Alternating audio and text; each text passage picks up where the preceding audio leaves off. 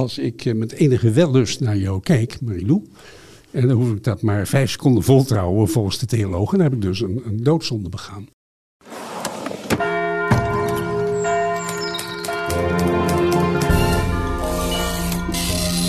Je luistert naar het geheugen van Brabant. De podcast van het Brabants Historisch Informatiecentrum in Sertogenbos.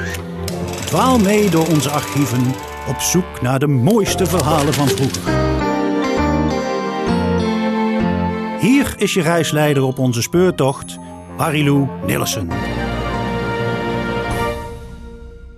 Ha, dag Anton. Dag Marilou. Daar zijn we weer. Zeker weten. Hebben we nog uh, reacties toevallig? Ja, um, een hele leuke zelfs. Uh, Kim van der Heijden, die heeft ons getipt, heeft onze podcast getipt. Mm -hmm.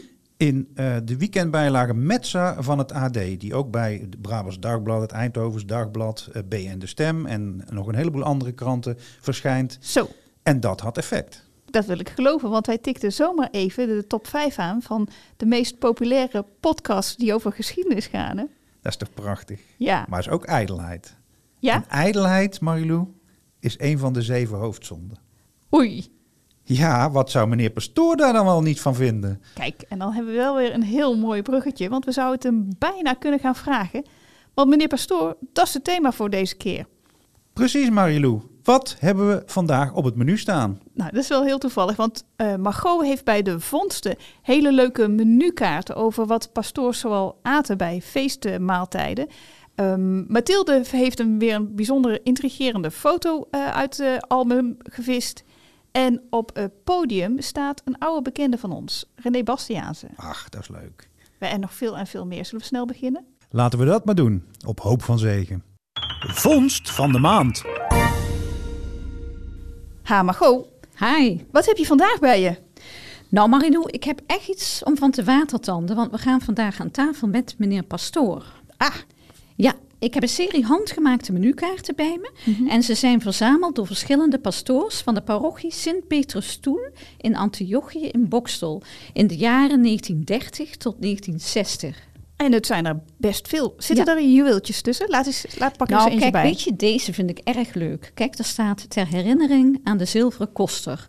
En die koster vierde zijn 25-jarig jubileum. En dat moest natuurlijk waardig gevierd worden mm -hmm. met uh, he, geestelijke familieleden, buurtleden en, um, of buurtgenoten. En uh, nou, wil, wil je weten wat ze voorgeschoten had gekregen? Vertel eens. Uh, nou, op de eerste plaats een hors d'oeuvre. Dat is een salade met vis, groente en vlees. Een bouillonsoepje. Een pastijtje met ragout. Runder, haasje of blinde vinken met pommes frites, diverse groenten. Uh, kompot, dan denk je aan een vruchtenmoes. Pudding, fruit, koffie met gebak. Een hele maaltijd. Ja, veel hè? Ja, vind ik ja. wel. En links uh, van de tekst staat een, of is een uh, kerktoren getekend. En daar staat bij Bim Bam Bom. Ja. En ze wilden natuurlijk voor hem de klokken luiden. Normaal deed hij dat altijd voor anderen. De koster. Dus ook wel heel grappig. Ja.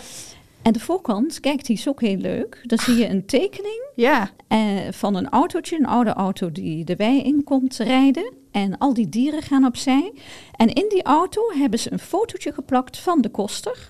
Uh, en ze hebben een pijpje getekend in zijn mond. Hij ja. heeft een brilletje op en een hoedje op. En ik denk dat hij daar heel herkenbaar aan was. Het is eigenlijk heel aandoenlijk gemaakt. Ja, hè? zeker. Want ze hadden ook nog geen Photoshop. Nee, dat is dus, duidelijk. Uh, ja, het ziet er heel grappig uit. Ja, ja. maar er is wel duidelijk aandacht en, en liefde aan besteed om het zeker. mooi te maken. Ja, zeker. Ja. En het geeft ook wel een mooi beeld, hè? Want uh, als je dan leest wat ze allemaal eten, dan, dan krijg je er ook wel een beeld bij hoe die pastoors ja. aan tafel gingen. En uh, ex, uh, ja, exotische dingen aten ook. Want ik zie hier ook staan schildpadsoep en ja. gevulde kalfborst. En dat ze na afloop van zo'n uitgebreid diner dan die menukaart ook meenamen. Ja, ja, ja. ja, dat is grappig hè? Ja, trouwens, het geeft eigenlijk geen beeld van het alledaagse eten van pastoors in de vorige eeuw. Het gaat dus echt om feestelijke gelegenheden. Ah, ja. hè? Want uh, priesterfeest, een huwelijk of een zilveren kosterfeest.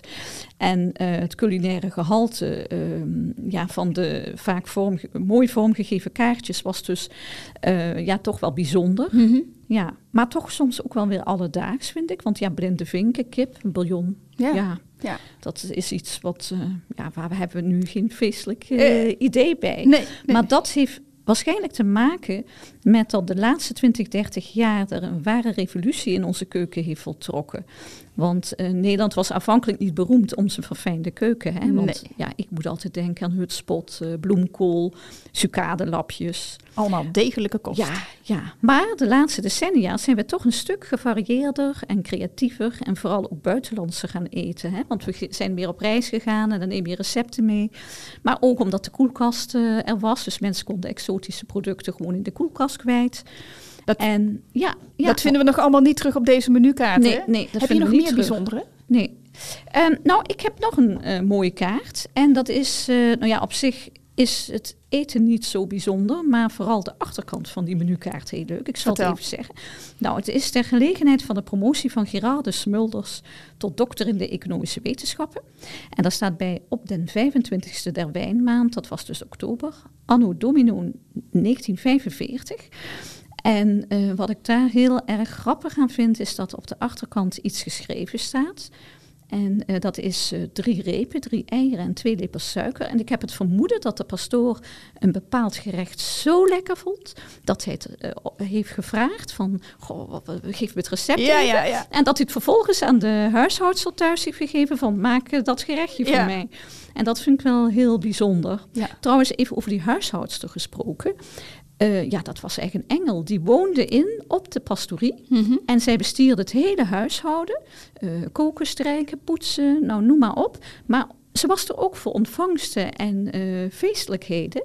En als er dan een menu samengesteld moest worden, was zij degene die dat bepaalde. Oké, Ja, dus zij ja. is eigenlijk de, de kracht achter die menukaart. Ja, zeker. Ja. Ja. En hoe komen wij eigenlijk aan deze verzameling? Nou, dat hebben we te danken aan de oplettendheid van mevrouw A. van Erven. En zij was een dienstmeisje van de pastoor. En zij heeft al die menukaartjes verzameld en aan ons gegeven. Ah, vandaar. Ja, Het zijn eigenlijk, het is niet alleen om te watertanden vanwege de eh, menus, maar zeker ook vanwege de versieringen eromheen. Hè? zeker. Ja. Ja.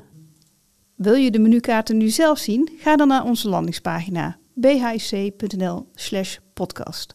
En daar zie je ook de foto die Mathilde zo gaat bespreken. Brabant in beelden. Hoi Mathilde, Hoi Marilou. drie foto's, zie ik die? Drie foto's heb ik meegenomen. Vertel eens. En laten we bij eh, de eerste beginnen. Eh, het is een zwart-wit foto en je ziet erop een hele grote eh, boerderij. En daarbuiten staat heel veel mensen. Er is heel veel volk op de been, van jong tot oud. En ze hebben allemaal hun mooie zondagse kleding aan. We zien nette blouses en eh, mooie jurkjes. Veel blote benen ook. En eh, witte sokken. En bij die meisjes, die lijken wel van die lakschoentjes aan te hebben met zo'n gespje erop. Ah ja, ja. En we zien ook hoge kapsels en brilmonturen die vrij aanwezig zijn. Eh, dus het lijkt wel een eh, zonnige dag, eh, midden jaren 60 zo'n beetje te zijn. En pontificaal in het midden van de foto zie je iemand van het gilde die met een vaandel zwaait. En er is een ereboog en er zijn veel bloemen. Er gebeurt heel veel op deze foto. Het is feest. Het is duidelijk feest, ja. En dan vraag je je natuurlijk af, wat voor feest? Mhm. Nou, onder die ereboog, daar zie je een bordje hangen met erop letters. En daarop staat hulde aan de neomist. Ah ja, en dat is een... Dat is een pasgewijde priester. Oh ja. En onder dat bordje, daar staat hij ook. Want daar zie je een, eh, een jonge man staan met een papier in zijn hand. En hij heeft een lang wit kleed aan. En links en rechts van hem staan zijn ouders. Ook keurig in zondagse kleding, hoedje op, eh, pak aan. Heel erg trots te wezen. Heel trots zien ze eruit, ja, met een mooie corsage op ook. En het hele dorp is eigenlijk uitgelopen om eh, te komen kijken. Weten we ook welk dorp? Het is uh, Vorstenbos. Oké. Het is Vorstenbos, ja.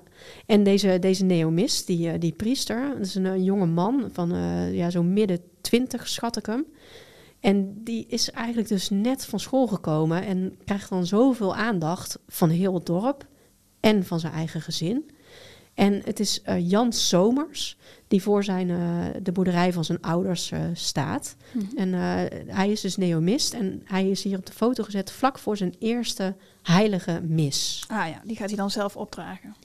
Die gaat hij zelf opdragen en dat deed je dan in het dorp waar je, waar je vandaan kwam. Oké. En deze foto is er één uit een reeks foto's. En op een andere foto zie je de, eh, binnen in de kerk is die gemaakt. En daar zie je dat die ouders niet alleen heel trots zijn, maar ook echt op hun knieën gaan voor hun zoon. eh, om om de, de, de mis eh, te krijgen. Ehm, ja, als je dat zo ziet, dan denk je dat dat moet toch wat doen met zo'n jonge jongen om zo, zo vereerd te worden Ja, eigenlijk. zo op een voetstuk te worden geplaatst. Ja, hij wordt bijna letterlijk op een voetstuk geplaatst, ja, omdat de anderen echt voor hem eh, op de grond gaan. Ehm, en je realiseert je, als je deze foto's ziet, dat bij een, bij een priester of bij een pastoor, dan denk je, of in ieder geval ik, toch aan een wat oudere, Mhm. oudere man. Ehm, maar zo'n priester begon natuurlijk gewoon als jonge jongen. En die was ook gewoon iemands kind en iemands broer. Ehm, en zeker hier in Brabant eh, kwamen ze vaak in die tijd, eh, half jaren zestig heb je hierover, uit een groot gezin. En ze maakten zo hun ouders heel erg trots om eh, priester te worden. En zo'n zo'n priester die, die had dan een, een roeping, zoals ze dat dan noemden. Dus het geloof speelde, speelde een grote rol. Maar het was ook een manier om door te kunnen leren en om iets anders te kunnen gaan doen dan je in dat Brabantse dorp waar je vandaan kwam had kunnen doen. En een ander leven te leiden dan je, dan je thuis had. Het kon een, eh, een weg zijn naar een avontuurlijker leven. En weten wij of eh, deze eh, Jan dat ook gaat doen? Nou, als, je, als je goed kijkt naar, naar wat hij aan heeft, heb- je dat gezien? Een beetje een, een, het is een helemaal een wit, wit ja, gewaad. Ja. Ehm, en hij heeft er een, een kap op en een, eh, die, die hangt aan, aan dat gewaad. Hij Oh ja, niet, niet ja. over zijn hoofd heen. Nee. En een rozenkans heeft hij om. En dit is het gewaad van de, van de witte paters. Ah ja. Eh, de, zo werden ze genoemd vanwege, vanwege die, eh, dat gewaad. Maar dat heet eigenlijk de Sociëteit van Missionarissen van Afrika. Ah. Dus daar ligt Ja. al een beetje het antwoord op, jou, op jouw vraag. En de, de laatste foto die ik heb meegenomen, daar krijgt hij een cadeau. Ik kan niet helemaal goed zien wat het is, maar het zou een koffer kunnen zijn. Ja. Ja. Eh, ja. Een vrij kleine koffer. En voor een platenspeler speler is het denk ik nog te vroeg, hè? Mm, zou ook kunnen. Maar ja, mee naar Afrika, dat klinkt niet logisch. Ik denk een koffer, Mathilde. Ja, ja, laten we het op een koffer houden. En eh, ja, wie weet, eh, weet iemand precies wat hij hier heeft gekregen. En eh, dan horen we dat uiteraard graag. Maar deze, deze pater, eh, Jan Somers uit Vorstenbos dus, die, die vertrekt dus ook echt. Dus vlak na zijn uh, priesterwijding vertrekt hij naar Tanzania. En we weten van hem dat hij daar zo'n 50 jaar lang heeft gewerkt. En dat zijn broers, Tini en Rini, de ouderlijke boerderij zijn gaan bewonen. Uh, de boerderij die je ziet dus op deze foto's.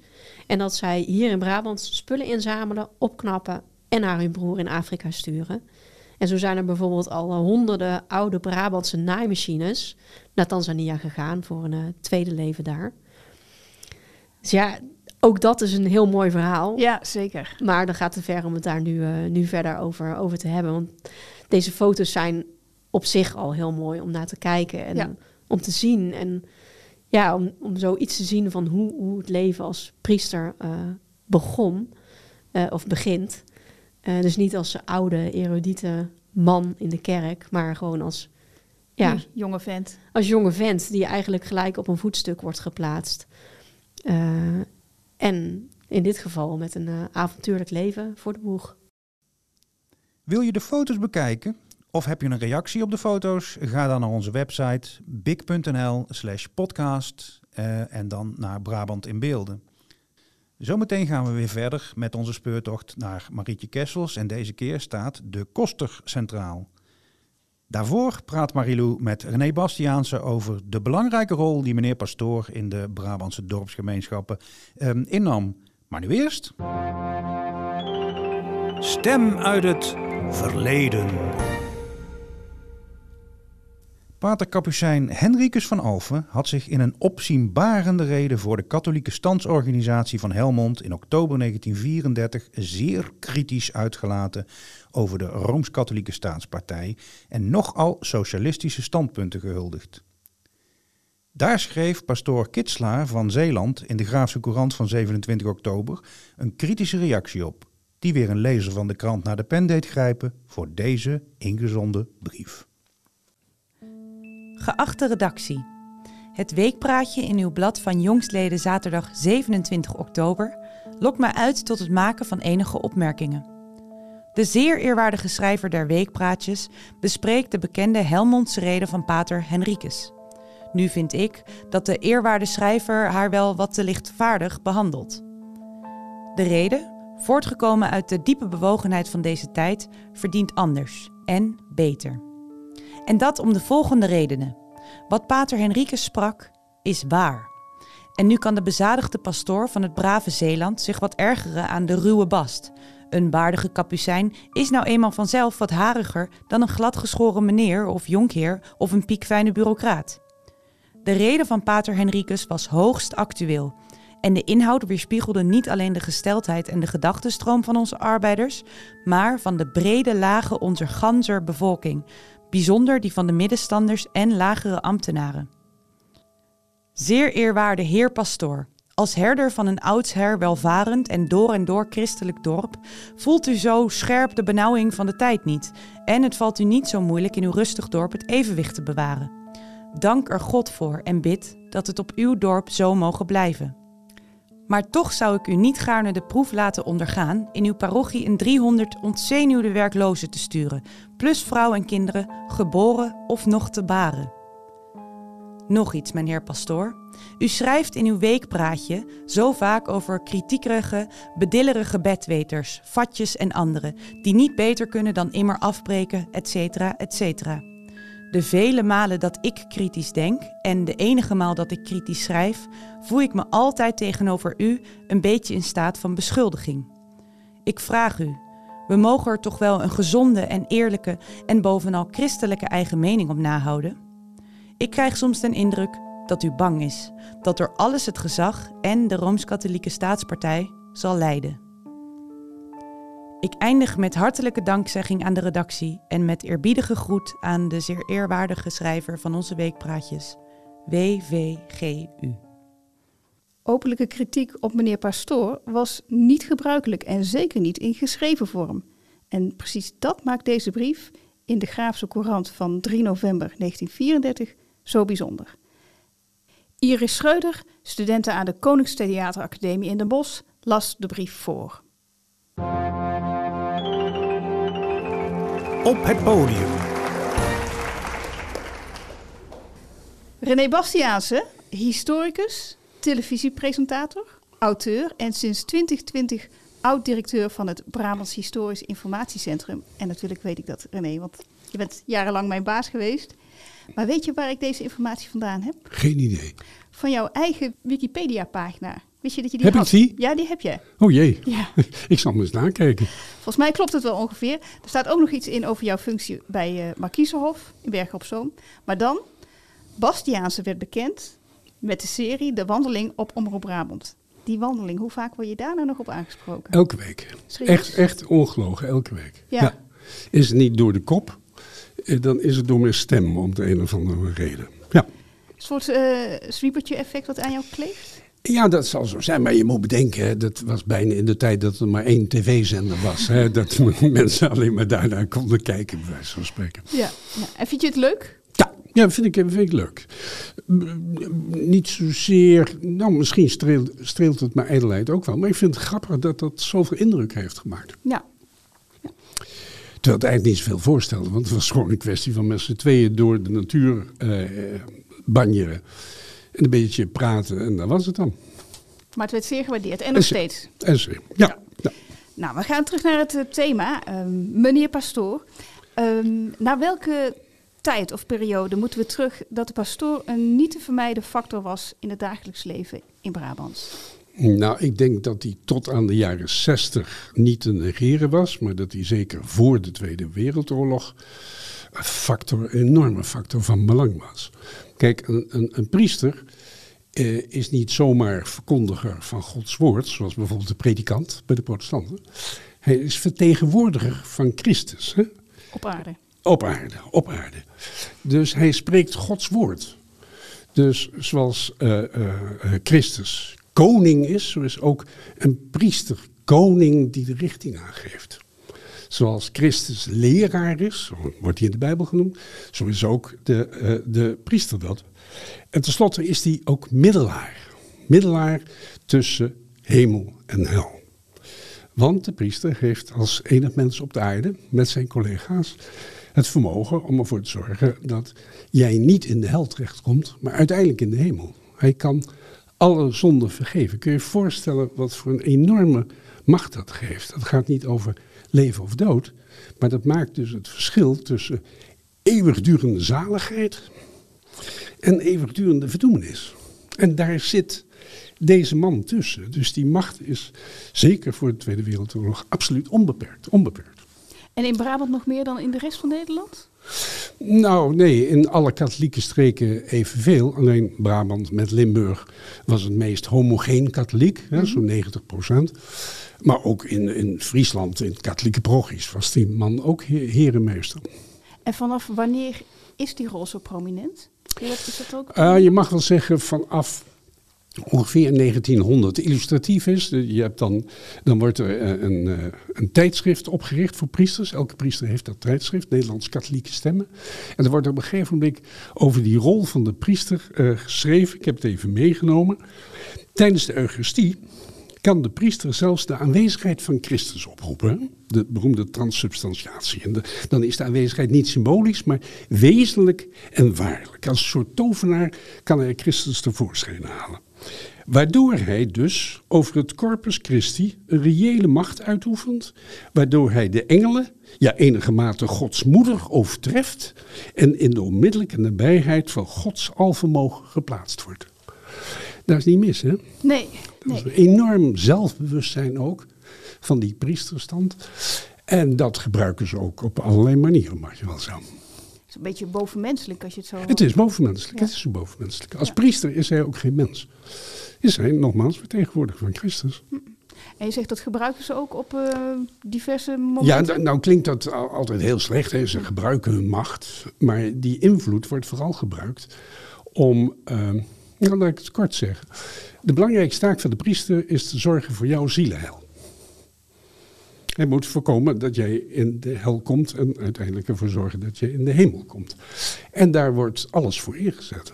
Uh, daar verdienen de sacramenten. Uh, want je komt die priester gedurende je hele leven tegen, hè, bij de doop en uh, natuurlijk bij de communie, bij huwelijkssluiting. maar je komt hem ook tegen bij het huisbezoek. Je komt hem tegen in het verenigingsleven als geestelijk adviseur. Mm-hmm. Geen vereniging zonder geestelijk adviseur. En je komt hem tegen, dat is ook zijn belangrijkste positie, in de biecht. In de biecht, want in de biecht ga jij vertellen wat je hebt gedaan. En dan ga ik als priester dan zeggen, dan ga ik jou vergeven. Uh, na uh, jou even de les hebben geleerd, maar uiteindelijk ga ik jou wel vergeven. Drie weesige groetjes en dan kun je weer verder. Ja, of de litanie van de hele, alle heiligen als je iets heel uh, uh, ergs hebt uitgevreten. Dus er staat ook, ik bedoel, vergeven wordt er altijd. Wat dat betreft is het katholieke geloof buitengewoon mild. Er wordt altijd alles vergeven. Als daar althans uh, enig oprecht berouw is. Um, maar het zit er veel meer in dat de priester ondertussen probeert jou ook wijze lessen te geven. Dus hoe die zonde uh, voortaan te voorkomen. Nou, en de meest voorkomende zonde was die van onkuisheid. Mm-hmm. Want het gaat niet alleen over onkuise handelingen. Daar kun je alles bij voorstellen. Overspel en prostitutie en zelfbevrediging, homoseksualiteit. Maar het gaat ook over onkuise gedachten. Als ik uh, met enige wellust naar jou kijk, Marilou. En dan hoef ik dat maar vijf seconden vol te houden volgens de theologen. Dan heb ik dus een, een doodzonde begaan. Um, want het gaat ook over onkuise begeertes. Ja, nou, er is geen mens die gedurende zijn leven niet last heeft gehad van onkuise handelingen dan wel uh, begeertes. En daar moest die priester in optreden. Volgens sommige theologen was 80% van alle zielen in de hel waren daar gekomen door onkuise gedachten of onkuise handelingen. En dat verklaart meteen waarom priesters zoveel aandacht hadden voor seksualiteit. Kijk, er zaten natuurlijk uh, vreemde figuren tussen, tussen die priesters. Uh, onder die priesters, die dat allemaal reuze interessant vonden. Maar het merendeel van de priesters was geïnteresseerd in seksualiteit, omdat dat de bron van zonde was. Dus het was gewoon, moest hij dat gewoon vakmatig ook veel van weten? Hij moest er, ja, en daarvoor werd hij ook opgeleid. Ze kregen daar les in? Ze kregen daar lessen, ja, op het grootseminarie. Vanaf de jaren twintig aan de hand van gespecialiseerde boekjes. Dat zijn eh, boekjes van zeg maar 100 pagina's, kleine lettertjes, helemaal in het Latijn. En daarin worden werkelijk alle varianten, eh, handelingen, standjes, eh, variaties eh, uitvoerig beschreven. Het klinkt een beetje gek, omdat je als eh, priester juist celibatair moet zijn. Ja, en daarom is die kennis ook hard nodig. Ja. En tegelijkertijd, als je het hebt over seksuele handelingen en priesters, dan heeft dat de afgelopen jaren, afgelopen decennium, een soort extra lading gekregen. Hm. Het is, wil je zeggen, het is moeilijk te verenigen, die enorme kennis van priesters. Waarin ook duidelijk was dat eh, pederastie, eh, dus eh, het, het rotzooien met eh, jongeren, dat dat een zware zonde was. En anderzijds het feit dat zoveel priesters dat toch hebben gedaan. Ja, ja. Dat is ook buitengewoon moeilijk te verklaren. Maar ik probeer heel snel eh, te doen. Ehm, in de jaren 30 zie je een enorm tekort aan priesters, omdat die in de missie nodig zijn in het onderwijs. En dan gaan ze priesters ronselen. Voor die tijd wachten ze rustig of er jongens roeping voelden. En dan gaan ze de ouders langs om te vragen of hun oudste zoon niet naar het seminarie wil. En dat betekent dat de toelatingseisen minder worden. En dan komt er een, ook een ander slag eh, eh, priester. En er wordt al in de jaren dertig tegen gewaarschuwd. Van god, het morele pijl van de jonge priesters is niet, over het algemeen, niet meer zoals het vroeger was. Eh, ongeveer 10% wordt dan ook aan psychiatrische testen onderworpen. Of vallen dan af zelfs. Dus daar wordt al werk van gemaakt. Ja, en hoe het dan gaat na de oorlog, dat valt moeilijk te verklaren. Eh, eh, de wereld verandert dan, maar goed, eh, nou zit ik een heel ingewikkeld verhaal te proberen in een half minuut samen te vatten.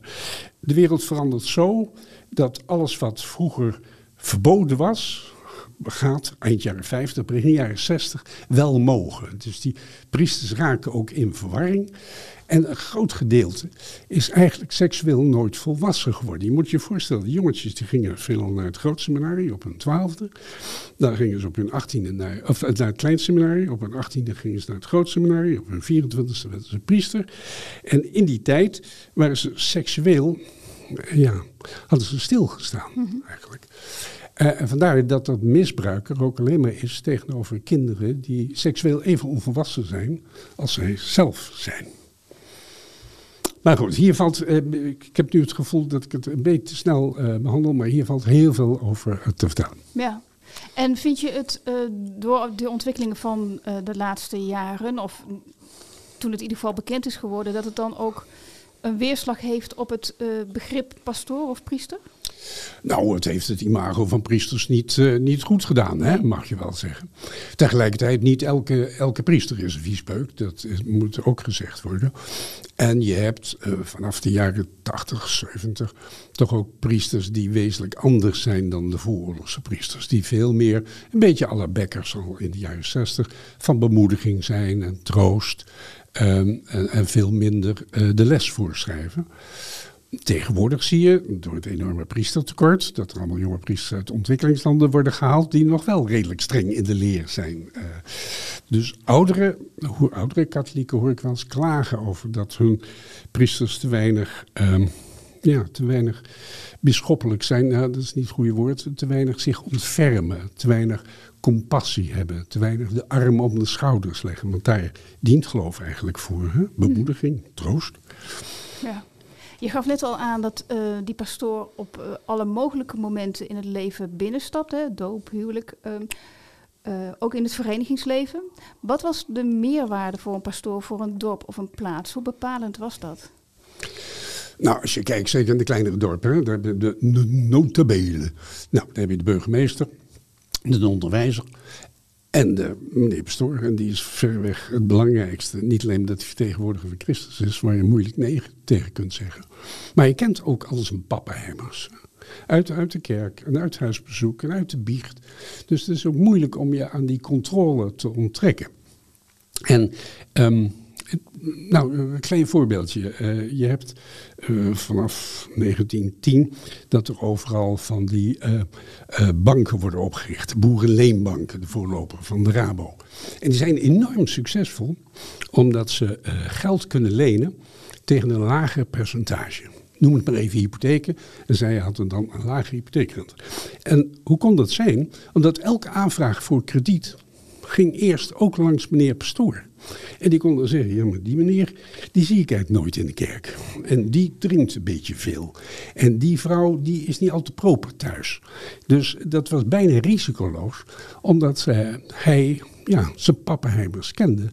En ook zorgde dat dan het krediet wel of niet werd gegeven. Ze zaten echt al in de haarvaten van een kern. Ja, als een, een, een timmerman in een, in een redelijk dorp.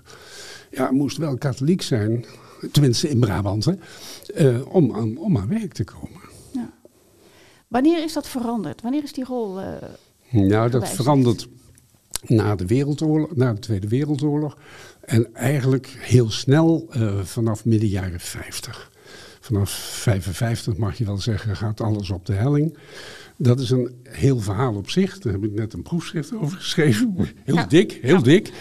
Ehm, maar daar gaat het echt heel, heel, heel rap. Dus eh, midden jaren 50 neemt dan ook het aantal pastoors sterk af of niet? Is dat niet hetzelfde? Jawel, nou nee, dat, dat wordt op een gegeven moment minder. Dat betekent dus dat er meer parochianen met, eh, eh, per eh, priester zijn. Maar in 1966 zijn er nog altijd, dan zeg ik even uit mijn hoofd, 13.388 priesters in Nederland. En dat zijn er meer, even om het relief te geven, dat zijn er meer dan er op dat ogenblik aan huisartsen en medisch specialisten van welk geloof dan ook actief zijn. Dus het is nog steeds een buitengewoon grote beroepsgroep, maar het kalft daarna wel heel sterk af. Ja, ja, ja. Is dat, ehm, eh, welke sporen laat dat het meeste na in een, in een dorp, in een kleiner dorp? De aanwezigheid van de priester? Ja? Nou, dat altijd een factor is waar je rekening mee moet houden. Kijk, het is grappig, hè? er zijn uitge- uitgebreide instructies, katholieke instructies van hoe ehm, echtgenoten het huwelijk moeten beleven. Het komt er gewoon op neer dat je geen zaad verloren mag laten gaan. Dat, dat is eigenlijk de kern. En opmerkelijk is, dat blijkt uit onderzoek, dat eh, vanaf de jaren twintig eh, katholieken zich daar helemaal geen moer van aantrekken. Dus daar waar het buiten het zicht is, doet de katholiek zijn eigen ding. En waar het openbaar is, daar volgt hij zo'n beetje eh, wat er, de, de, de, de richtlijnen. Dus een katholiek heeft overtuigend geleerd, generaties lang, om ja te zeggen en tegenovergestelde te doen. Tot zover René Bastiaanse. Ben je benieuwd naar zijn onderzoek naar de katholieke huwelijksmoraal? Let dan op de bonus bij deze aflevering die op 4 juli zal verschijnen. 100 jaar geleden, in juni 1922, stonden de Brabantse kranten vol van de aanstaande Tweede Kamerverkiezingen van 5 juli van dat jaar. De eerste landelijke verkiezingen na de instelling van het vrouwenkiesrecht in 1919. En dat leidde tot de nodige onrust bij de bestaande partijen en behoorlijk wat activiteiten om ervoor te zorgen dat die grote groep nieuwe kiezers wel de juiste keuze zou maken. Enkele krantenberichten uit het Dagblad van Noord-Brabant ter illustratie. 28 juni 1922. Een vermaning. De volgende vermaning van de Eindhovense geestelijkheid is zondag in alle kerken van Groot-Eindhoven voorgelezen. Deken en pastoors van Eindhoven vermanen de gelovigen verwijderd te blijven van de openluchtmeetings der socialisten op 27, 28 en 29 juni aanstaande te houden. Het bijwonen van dergelijke vergaderingen is voor katholieken streng verboden. Deken en pastoors wekken de gelovigen op de vergaderingen van de Rooms-Katholieke Landdag op 2 juli aanstaande bij te wonen. Iedere katholiek is als plicht aangewezen bij de aanstaande politieke verkiezingen te stemmen op de lijst der Rooms-Katholieke Staatspartij. 28 juni 1922. De oproepingskaart voor 5 juli. Weldra ontvangt gij de officiële oproepingskaart, getekend door den burgemeester uw woonplaats voor de verkiezing van 5 juli aanstaande. Dat biljet bevat de namen van alle kandidaten voor de Tweede Kamer. Dat biljet neemt gij op 5 juli tussen 8 en 5 uur mee naar het stemlokaal. In het stemlokaal waar ieder u beleefd te woord zal staan, krijgt gij in plaats van het meegebracht biljet een ander, waarop dezelfde namen van de kandidaten voorkomen, doch op het biljet dat gij ontvangt in het stemlokaal staat voor de naam van elke kandidaat een blokje. Op dat stembiljet staan massa's namen, werkelijk een massa, maar die hoeft gij niet te lezen. Laat ze maar waaien. Op één lijst hoeft gij slechts uw oog gericht te houden. En dat is voor de Rijkskieskring Tilburg, waaronder alle plaatsen in West-Brabant behoren, lijst nummer 50. Onthoud het goed, mannen en vrouwen. Lijst nummer 50. Die lijst vindt gemakkelijk, want het is de laatste van het stembiljet. Zo gij ziet, moeten de laatsten ook nu weer de eerste worden. Daar kunt gij, Roomse mannen en vrouwen, voor zorgen wanneer gij zonder uitzondering uw plicht wil doen. Het offertje is zo klein, het belang zo groot. Vergeet dat niet. Het eerste blokje nu van lijst nummer 50, waarachter de naam staat van meester dokter A. van Rijkenvorsel, moet gij rood maken. Dat kunt gij met een rood potlood dat in elk stemhokje hangt en dat gij zomaar voor het grijpen hebt. Gij behoeft dus geen papier, potlood of wat ook mee te brengen. Enkel en alleen uw oproepingskaart die gij van de burgemeester over de post krijgt toegezonden. Met het rode potlood nu maakt gij één wit puntje rood. Op het biljet mag niet geschreven worden, dus alleen één witte punt rood maken. Meer niet. En welke punt moet gij nu rood maken? Die welke staat voor de naam van de kandidaat meester dokter A. van Rijkenvorsel. Alleen de witte punt voor de naam van Rijkenvorsel rood maken. 28 juni 1922. Hulp in de huishouding op den verkiezingsdag. Het is mogelijk voor medige huismoeder die op 5 juli aanstaande gaarne wil gaan stemmen een grote moeilijkheid den daarvoor nodige tijd uit haar huishouden te breken. Kleine kinderen of allerlei huishoudelijke plichten kunnen haar doen besluiten haar stemplicht niet te gaan vervullen. Dat kan en mag niet zijn. Het bestuur der Rooms-Katholieke Kiesvereniging heeft daarom besloten zoveel mogelijk dat beletsel weg te nemen door, waar dit gewenst wordt, in de huishouding hulp te doen verlenen gedurende den tijd dat de huisvrouw voor haar gang naar de stembus afwezig is. Er zullen dames beschikbaar zijn die geheel belangeloos komen oppassen. Zodoende zal niemand later behoeven te zeggen dat men ten gevolge van huishoudelijke plichten in de onmogelijkheid verkeerde zijn stemplicht te vervullen. Old case, cold case. Het is woensdagochtend 22 augustus 1900, rond half elf, als Marietje Kessels in de Tilburgse wijk Noordhoek naar de brievenbus loopt. Twee dagen later wordt het elfjarig meisje dood aangetroffen, in de kerk vlakbij. Er volgt een lang strafproces, er zijn verschillende verdachten, maar een dader is nooit veroordeeld. Samen met mijn collega Christian open ik de talloze dozen die over deze zaak gaan en bekijken we wat de archieven ons vertellen. De feiten vormen onze leidraad. Vorige keer bekeken we hoe het politieonderzoek werd aangepakt. Door onder meer een meisje van 12 de trap van de kerktoren op te tillen en te zien of ze daarmee verwondingen opliep. Net als bij Marietje was gebeurd. Dit keer kijken we naar de man die als eerste wordt verdacht. Koster Johan van Isterdaal. Oké, Chris, die Koster van Isterdaal, we zijn hem al een paar keer tegengekomen in onze eerdere afleveringen. Maar wat weten we nou precies van hem? En ik heb niet voor niks mijn laptop meegenomen. Kijk eens wat ik vind als ik eh, zijn naam invul op onze site bij Stamboom. We gaan eens even kijken. En dan zei je drie resultaten. Kijk. Klikken we de eerste aan. Dan krijgen we zijn huwelijksakte. Johan Jacobus van Isterdaal. En we zien dat hij in 1884 trouwt met Petronella van Ierland. Ja, en ik zie dat hier zijn geboortedatum er ook bij eh, staat. Geboren op 8 mei 1863 in Tubbergen, Tubbergen in Twente eh, ligt dat. Dus hij was 37 jaar oud eh, toen Marietje werd eh, vermoord, maar hier nog t- 21 toen hij trouwde. Ja, eh, met die Petronella dus. En die is geboren op 24 februari 1842 in Tilburg. Dus zij was eh 42, dubbel zo oud als Johan. Ja. En eh, we zien dat ze weduwe is, want haar eerdere man overleed twee jaar daarvoor.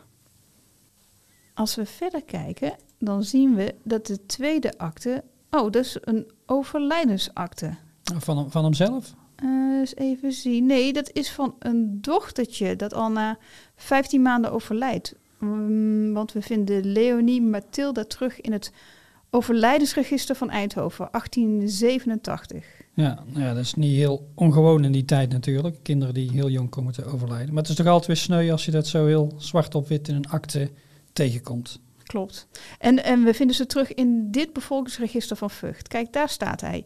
Eh, Johan J. van Isterdaal, hoofd van het gezin en zijn vrouw. En op dat moment is 1, 2, 3, 4 kinderen. Eh, slechts één van hemzelf trouwens. En die anderen komen uit dat eerder huwelijk van Petronella. En valt me nou trouwens pas op. ehm, bij Petronella staat als geboortejaar 1843. In de trouwakte 1842. Beetje raar. Ja, ja, zo zie je maar. Je moet niet alles geloven wat er in de archieven staat. En van het bevolkingsregister is ook wel bekend hoor, dat er veel foutjes eh, in staan. Dus je moet eh, alle gegevens gewoon even checken. Maar de informatie uit die akte van de burgerlijke stand, hè, die is wel eh, redelijk betrouwbaar. Ah, knopen we in onze oren. En even kijken, hier van beroep staat dat Johan... hey, Timmerman is hij. Oh, Timmerman, geen koster? Nee. Nee, dat klopt. En dat is trouwens een wonderlijk verhaal. Want van huis uit is Johan wel Timmerman. En zo trouwt hij ook met Petronella. Maar weet jij wie hun huwelijk sluit? En- en nee? Nou, dat is pastoor van Zinnik Bergman. Joh, Ja, Eh, en van Zinnik Bergman is dan nog kapelaan van de Catharinakerk in Eindhoven.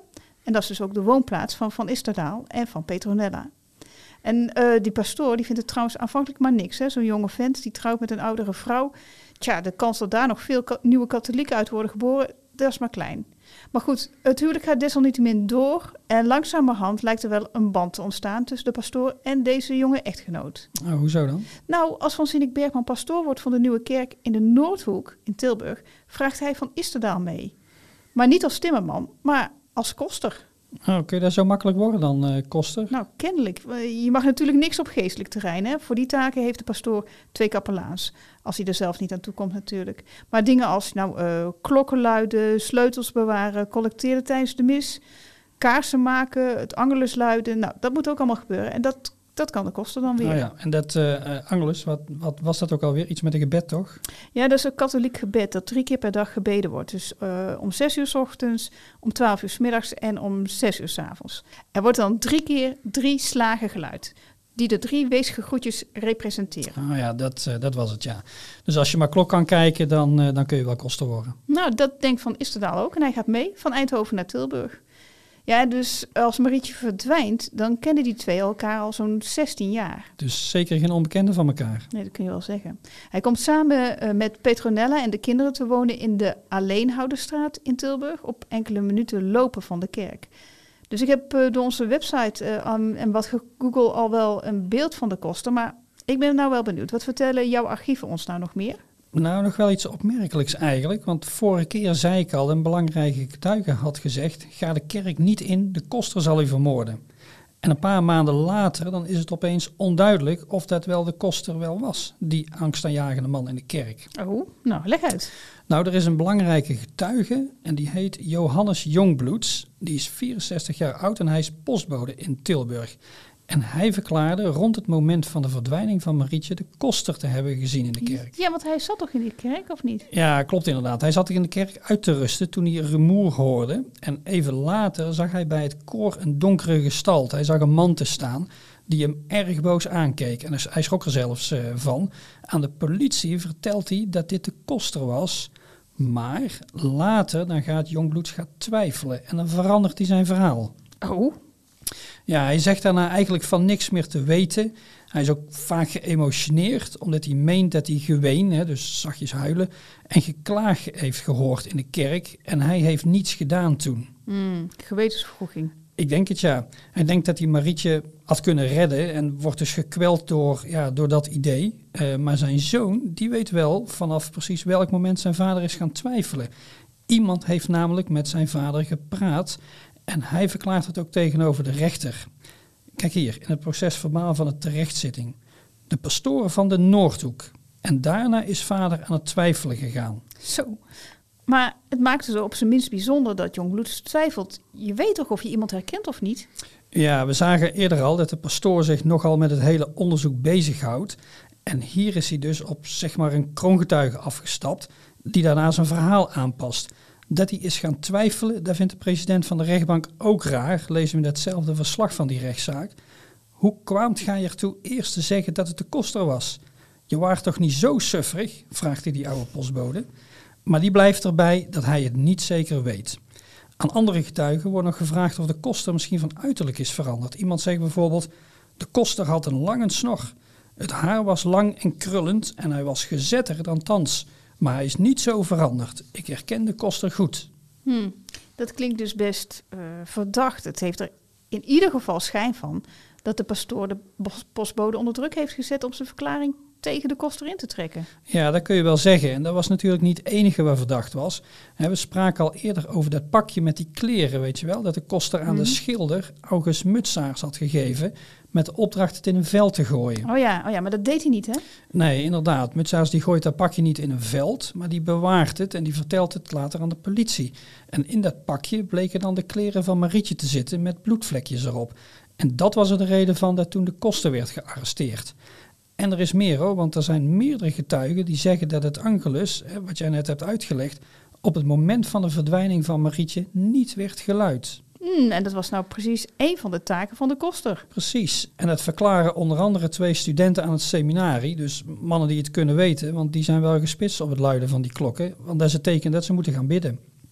En verder is er nog een onduidelijkheid over sleutels en de deur van het torentje die al dan niet open zou zijn geweest. Oh ja, die, die wenteltrap naar dat verwulpsel, hè? die zolder waar Marietje werd gevonden. Ja, als de koster wordt aangesproken op vragen daarover, dan reageert hij met zinnen als... Oh, hou op, dat zijn strooisels van dat wijf. En daar bedoelt hij ene Johanna van Riel mee, die meent dat het kind wel eens in de kelder van de kerk zou kunnen liggen. Dat heeft dat wijf uit haar poot gezogen, zegt de koster erover. Oh, nou, dat klinkt weer heel anders dan de reactie die hij eerder gaf toen hij werd gearresteerd. Want dan zegt de koster juist heel kalm en bedaard iets als... eh, eh, commissaris, vergeet uw hoed niet. Ja, ja, heel veel tegenstrijdigheden dus rond die koster. En dat komt ook steeds tijdens die rechtszaak naar voren. Maar ondanks alles wat we nu hebben gehoord en gelezen, is de koster zelf nooit aangeklaagd. Oh, maar, maar tegen wie heeft die rechtszaak dan? Ja, de hoofdverdachte bleek uiteindelijk die schilder. August Mustsaert. Ja, Nou, volgende keer meer. En wil je ondertussen meer weten over de zaak Marietje Kessels? Kijk dan op www.bhic.nl slash podcast. En daar vind je onder andere het hele procesdossier om zelf onderzoek in te gaan doen. Blik uit het bik. Pastoor Bartenstraat in Herpen. Pastoor van Berkelstraat in Sambeek. Pastoor van Bezouwplein in Bokstel. Pastoor Bloemstraat in Os. Pastoor Boelenstraat te Heus. Pastoor Bogaatstraat in Erp. Pastoor van de Boomstraat in Belkum. Pastoor van de Boomstraat in Vachel. Pastoor van Bokstellaan in Overloon. Pastoor Winkelstraat te Schaik.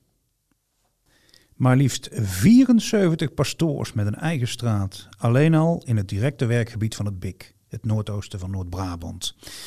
Als we ook straten vernoemd naar abten, bisschoppen, broeders, dekens, fraters, kapelaans, kardinalen, monseigneurs, paters, pausen, prelaten, rectors, regenten, vicarissen en zusters meenemen, komen we op niet minder dan 180 straatnamen. Naar een enkeling zijn meerdere straten vernoemd. De toppers zijn bisschop Bekkers met 11 en pater Gerlakes van den Elzen met 9 straten.